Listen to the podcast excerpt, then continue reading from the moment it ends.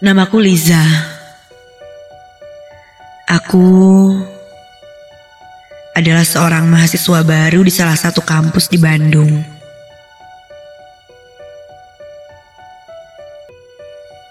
Ini cerita pengalamanku saat mengikuti malam keakraban atau makrab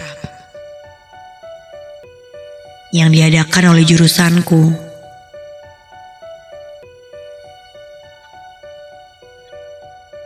Aku berasal dari Jakarta. Di Bandung aku ngekos di daerah Dago bersama beberapa teman yang sama-sama berasal dari Jakarta. Namun meski kami sama-sama berasal dari Jakarta, hanya aku yang berbeda kampus dengan tiga orang temanku yang lain.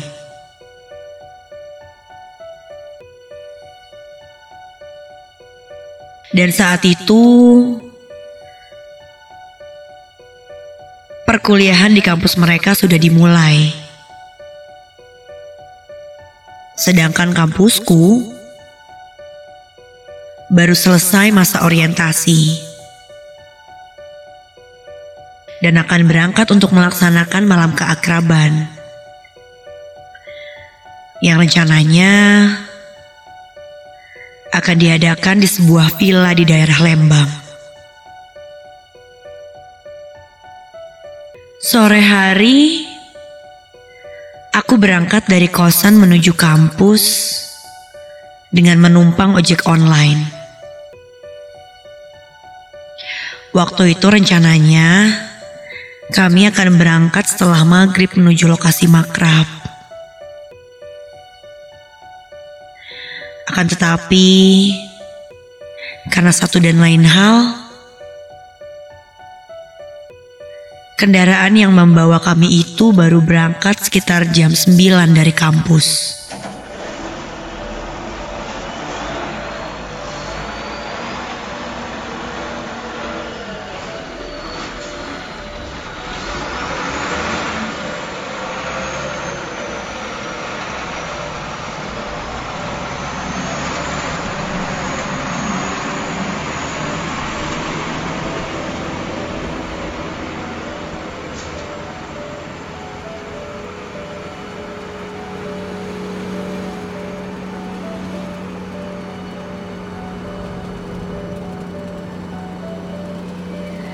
Aku sempat berbincang dengan beberapa orang di dalam truk tentang lokasi makrab yang akan kami gunakan.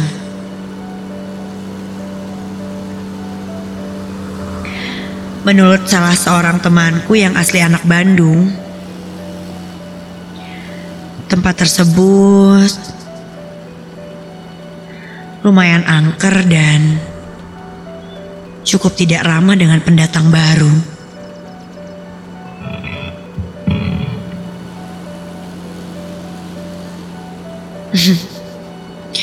Tapi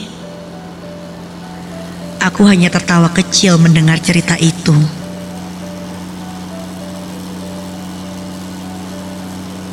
Hah, paling cuma pengen nakut-takutin doang.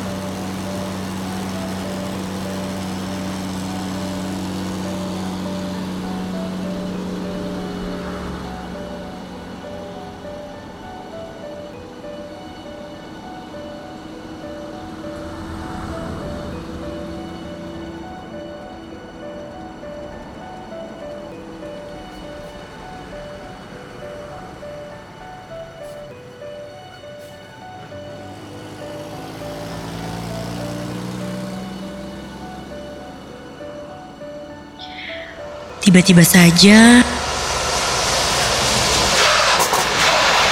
kendaraan kami berhenti mendadak. Kata Pak Supir, dia melihat kucing yang tiba-tiba menyeberang jalan. Salah satu senior akhirnya memutuskan untuk turun dari truk dan melihat ke kolong truk. Takutnya kucing itu terlindas. Tapi tidak ada apa pun di kolong mobil itu.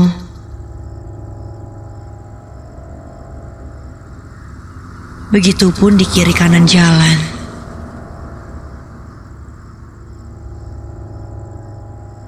Padahal baru beberapa detik saja kejadian itu. Tapi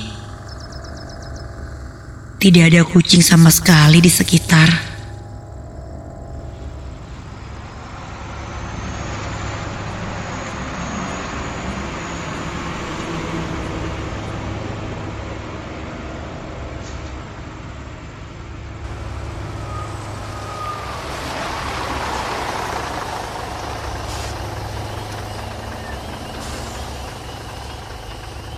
Dan kami tiba di lokasi sekitar pukul 11 malam.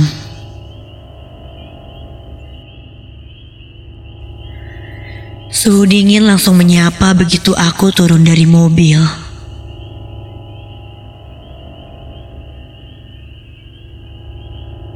Kulihat beberapa teman bergegas memakai sweater atau alma mater kampus.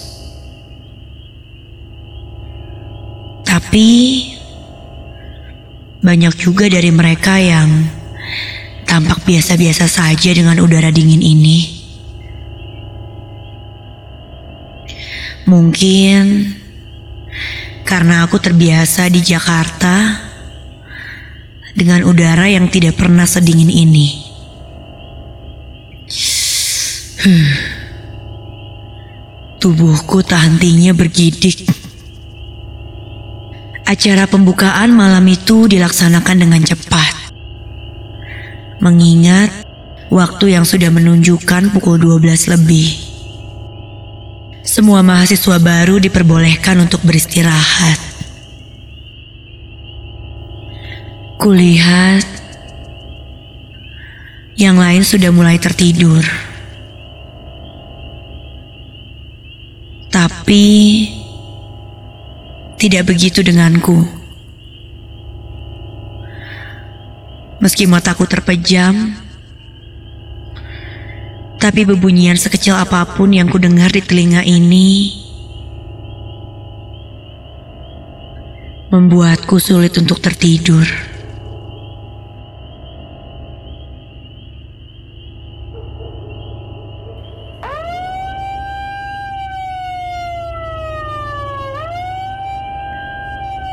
Aku terkejut saat mata baru saja terpejam beberapa menit.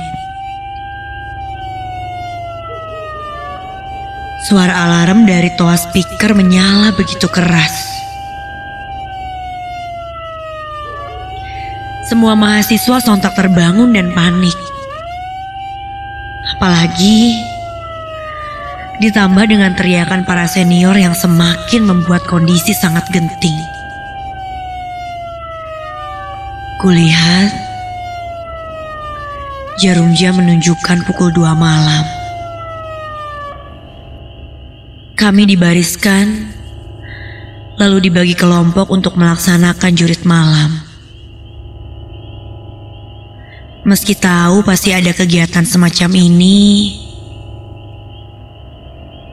tapi aku tidak menyangka ini dilaksanakan di malam pertama ketika kami baru tiba. Kepalaku sedikit pusing. Karena bisa dibilang aku belum benar-benar tertidur saat itu.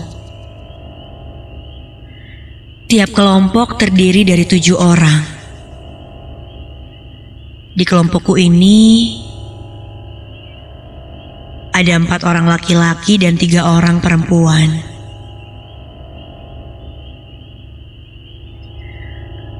Ada beberapa pos dengan tantangan yang berbeda-beda yang harus dilalui. Pos demi pos kami lalui dengan kompak dan semangat. Hingga sampailah kami di pos 5 yang disebut sebagai pos bayangan. Karena hanya diperuntukkan untuk istirahat saja.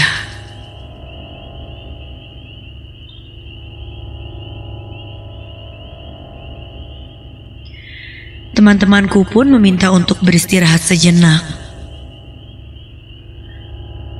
Alih-alih menuruti mau mereka, aku malah mengejek dan menyombongkan diri. Aku berjalan seorang diri sambil mengoceh dan mengeluh terhadap teman-temanku yang masih saja bersantai di pos 5.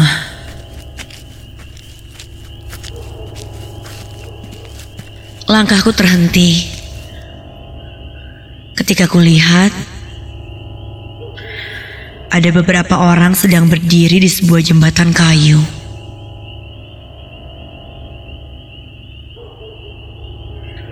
Karena kukira mereka adalah senior yang berjaga, aku pun memutar balik kembali ke teman-temanku. Takutnya jika aku lanjutkan berjalan sendiri saja, mereka akan memarahi atau mungkin mengerjaiku.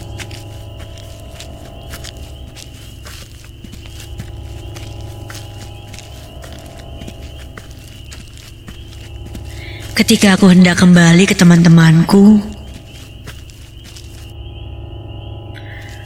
Kayaknya tadi nggak lewat sini deh.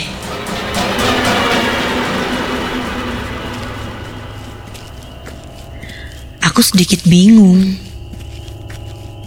Karena sepertinya aku menjejaki rute yang berbeda untuk kembali ke pos 5. Tapi beberapa saat kemudian, Nah, akhirnya ketemu juga sama mereka.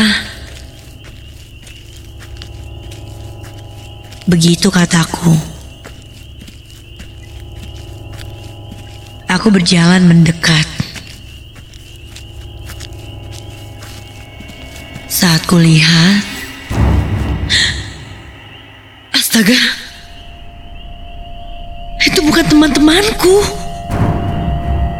Kulihat ada satu, dua,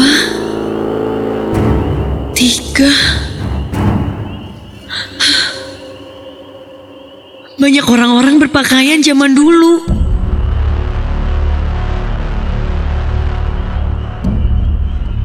Kulihat seorang wanita tua berkebaya putih yang berlumuran darah. Juga melihat sosok berpakaian prajurit yang wajahnya setengah hancur dan tidak memiliki kaki. Dia mendekat menyeret tubuhnya. Entah kenapa, dalam kondisi seperti ini, aku tidak bisa merafal satu doa pun. Aku hanya terjongkok dan memejamkan mata sambil menangis. Dan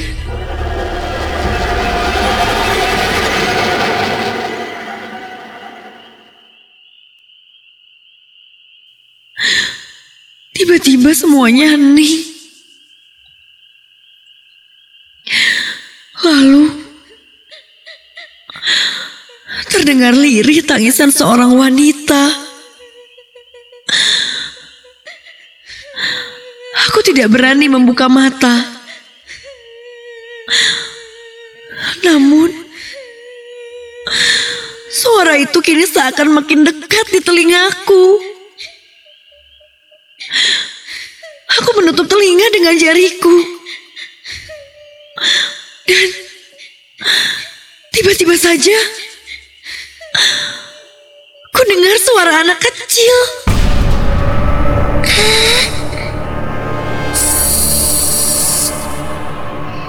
Jangan nangis. Nanti dia datang. Aku sontak membuka mata dan mengenyap suara. Aku lihat kini makhluk-makhluk menyeramkan itu tepat di hadapanku. Dengan tatapan yang menyeringai penuh dengan amarah dan, dan salah satunya mengeluarkan suara yang sangat bising. Mataku terpaku dan tak bisa kubejamkan. Tubuhku, tubuhku seakan membatu. Bahkan mulutku seperti terkunci untuk untuk sekedar mengucap kata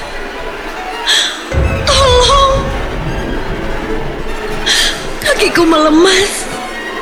Aku seperti kehilangan kendali dan tak lama aku pun ambruk pingsan.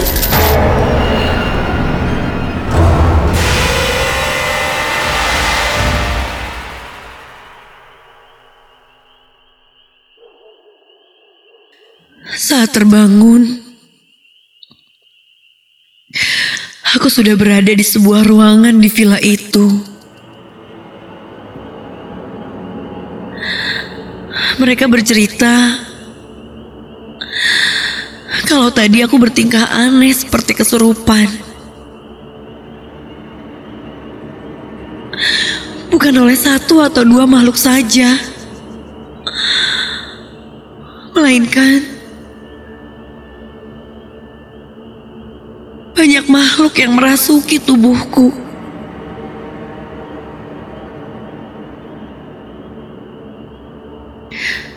Kata mereka, suaraku sempat berubah-ubah. Mulai dari menangis lirih, tertawa seram, bersuara seperti anak-anak,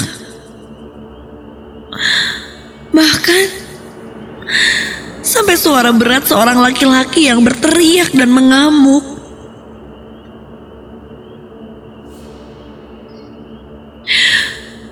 Tidak tahu apa yang terjadi padaku tadi. Karena yang kuingat adalah aku melihat segerombolan orang-orang